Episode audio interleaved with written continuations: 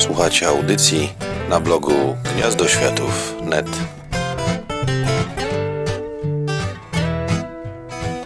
Halo, jestem Bruno Biadzycki. Dzisiaj nagramy ochobę bicia.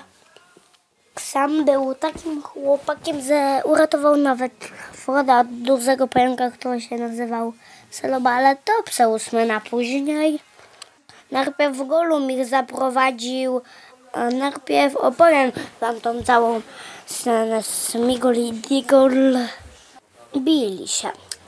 Tylko wiecie, za Digol to się bili i Smigol odebrał mu pierścień i Smigol mm, mu powiedział, że są jego urodziny i, i powiedział, bo dziś są moje urodziny, daj mi go.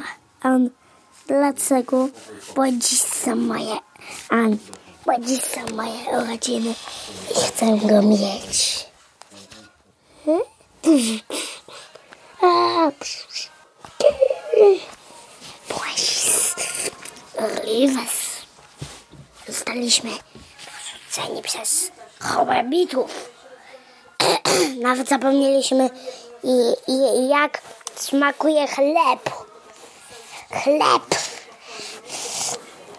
Nawet to, nawet zapomnieliśmy śmy, jak bije słońce. Jak świeci słońce. I, i jedliśmy i każdy z nas chciałby zjeść tylko, chapsnąć sobie tylko ko- rybkę.